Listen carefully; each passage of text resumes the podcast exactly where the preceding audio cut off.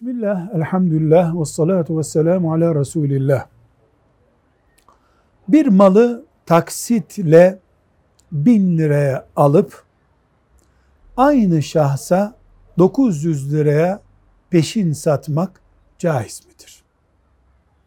Bu faize karşı uydurulmuş bir hiledir. Caiz değildir. Esasen malın el değiştirdiği de yoktur. 1000 lira taksitle satacak, 900 liraya geri alacak, 100 lirası taksit karı olacak. Arada mal faizi yok etmiş olmak ya da faizi sümen altı etmek içindir. Bu caiz değil. Ancak 1000 liraya bir malı alıp A şahsından B şahsı bunu C şahsına 800'e de satabilir, 700'e de satabilir peşin olarak.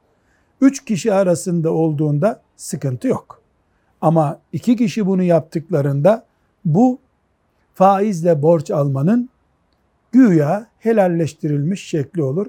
Yanlıştır, caiz değildir. Velhamdülillahi Rabbil Alemin.